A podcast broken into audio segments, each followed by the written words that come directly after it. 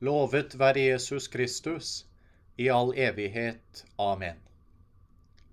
I denne fjerde podkast om skriftemålets sakrament skal vi ta for oss ritualet, liturgien, selve feiringen av skriftemålets sakrament. Og her tar vi for oss det individuelle skriftemål, den mest vanlige formen av feiringen av botens sakrament. Som vi vel alle vet, er skriftemålets rituale, liturgien, forholdsvis kort. Og de bønner og ord som brukes, er temmelig lettfattet. Ordene forklarer hva som skjer. Ordene forklarer den tro vi gir uttrykk for. Og Derfor minnes vi i skriftemålets rituale på dette kirkens gamle ordtak lex orandi, lex credendi. Bønnens lov er troens lov. Vår tro uttrykkes i klarhet i de bønner vi ber i de bønner Kirken har gitt oss. Skriftemålets rituale begynner med de samme ord som innleder feiringen av Den hellige messe korstegnet. Så etter at den skriftene har gått inn i skriftestolen, så innleder presten og den skriftende ritualet ved å gjøre korsets tegn og si i Faderens og Sønnens og Den hellige ånds navn. Amen. Og dette er ikke uviktig. Fordi i korstegnet så bekjenner vi vår tro på den treenige Gud. Vår tillit til Gud. Vår tillit til Hans miskunn, nåde og hjelp. I korstegnet så føres både den skriftende og presten inn i Guds nærvær. Og det grunner hele liturgien i Guds nåde og miskunn. Og det å innlede sakramentet med korstegnet minner oss også om at som alle kirkens syv sakramenter, så ble skriftemålet innstiftet av vår Herre Jesus Kristus selv og overgitt i kirkens varetekt, som et hellig tegn. Et hellig tegn som vitner om vår tro, som styrker oss i troen og i Guds nåde, og som fører den kristne, den som mottar sakramentet, stadig nærmere Jesus selv. Så oppfordrer presten, den skriftende, til å ha tillit til Gud, tillit til Guds miskunn, tillit til Guds nåde. Og dette skjer ved ordene Måtte Gud, som opplyser våre hjerter, gi deg å se din egen skyld og tro på Hans barmhjertighet. Igjen ser vi at Kirken her ved disse ord leder den skriftene på veien mot Guds tilgivelse. Og gjør det tydelig at den skriftene som nå er kommet til sakramentet, har gjennomgått en omvendelse, har anger i sitt hjerte, søker nå å vende seg bort fra synden å vende seg til Gud for å motta Guds tilgivelse. Og dette kaller Kirken den indre botferdighet, som defineres i kompendiet til Kirkens katekisme med følgende ord. Indre botferdighet er et sønderbrutt og sønderknust hjerte. Ord fra Salme 51. Det er en holdning som gjennom den guddommelige nåde blir beveget til å svare på Guds barmhjertighet og kjærlighet. Den innebærer smerte og avsky for de synder som er begått. En fast beslutning om ikke å synde mer i fremtiden, og tillit til Guds hjelp. Den blir næret av håpet om guddommelig barmhjertighet. Dette er nummer 300 i kompendiet.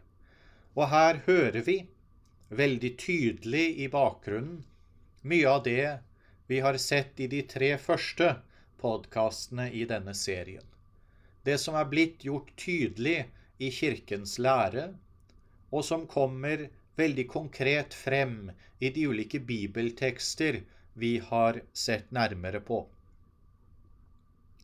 Det er den guddommelige nåde, og det er Guds barmhjertige kjærlighet som er førende og ledende. I omvendelsen kjenner vi på en smerte og en avsky for de synder vi har begått, fordi vi ser at de har ført oss bort fra Gud. Det innebærer en fast beslutning om ikke å synde mer i fremtiden. Å vende ryggen til synd. Å leve i Guds vennskap. Å søke enhet med Gud.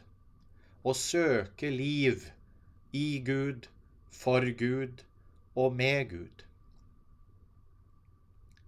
Og i alt dette så ligger håpet om guddommelig barmhjertighet.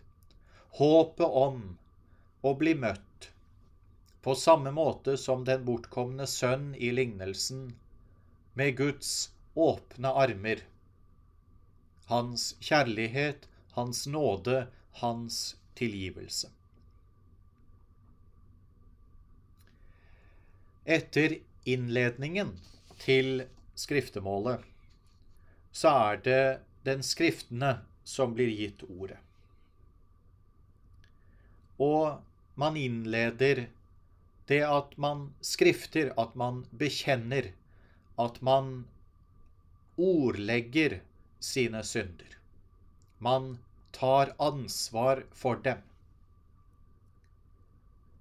Og før man kommer til syndene, så er det vanlig og absolutt hjelpsomt for presten at den skriftene forteller hvor lenge det er siden han eller hun sist var til skriftemål, og gir presten et innblikk i den skriftenes livssituasjon.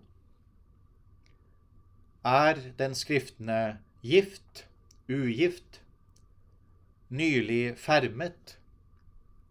Er dette det andre eller det tredje skriftemål etter første kommunion? Alt dette hjelper presten da han ved skriftemålets avslutning skal gi råd og skal gi en botshandling. Derpå skrifter den skriftene sine synder. Og her vil jeg understreke nødvendigheten av å være konkret, ærlig og direkte. Man går til Skriftet ikke for å skrifte andres synder, men for å skrifte sine egne. Man går til Skrifte for å ta ansvar for sine synder og si 'jeg gjorde dette'. Ikke for å legge frem en hel rekke unnskyldninger for hvorfor man gjorde det man gjorde. Det er også slik at jo mer konkret, jo mer direkte man er, jo tydeligere og til mer hjelp kan presten gi konkrete råd og veiledning. Det er også slik at jo mer konkret og direkte man er, jo tydeligere har man sett og forstått nøyaktig hva man har begått av synd, og hva synden har gjort. Som jeg nevnte i forrige episode om forberedelsen til skriftemålet, så er det å se sin egen synd en grunnleggende del i det å rette opp for synden. Fordi det er vanskelig å gjøre noe med det man ikke greier å se selv.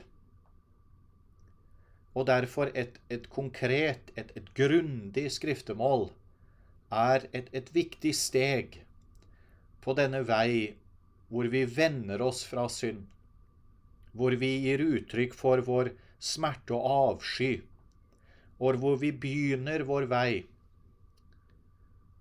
med denne faste beslutning om ikke å synde mer. Etter at den skriftene har bekjent sine synder, så avslutter man med et uttrykk for den anger man kjenner i sitt hjerte. F.eks. ved ordene 'Min Gud, av hele mitt hjerte angrer jeg det onde jeg har gjort, og alle mine forsømmelser'. Det er også vanlig at man gir uttrykk for anger og botferdighet for de synder man har glemt. Den skriftene har da avsluttet sin bekjennelse. Har avsluttet å skrifte. Har tatt ansvar, har uttrykt anger.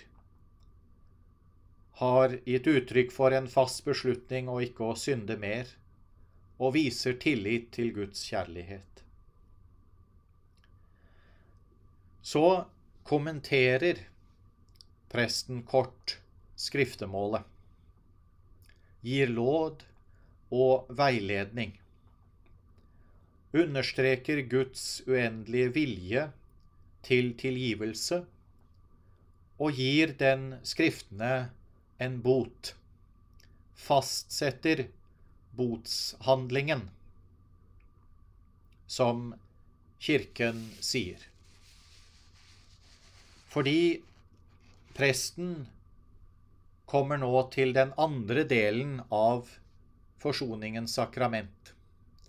I en kompendie til Kirkens katekisme lærer oss at det er to elementer som er vesentlige for forsoningens sakrament menneskets handling, som omvender seg under Den hellige ånds tilskyndelse, og absolusjonen fra presten, som i Kristi navn meddeler synsforlatelsen og fastsetter botsøvelsene. Og det er det som kommer. Etter prestens råd og veiledning så fastsetter han boten, som i mange tilfeller er å be en bønn.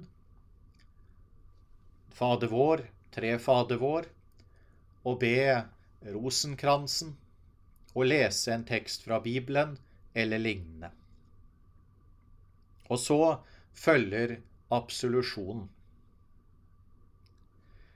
Igjen så er dette at presten i Kristi navn meddeler syndsforlatelsen. Og dette skjer ved følgende ord. Gud, vår barmhjertige Far, har ved sin Sønns død og oppstandelse forsonet verden med seg og sendt Den hellige ånd til syndenes forlatelse.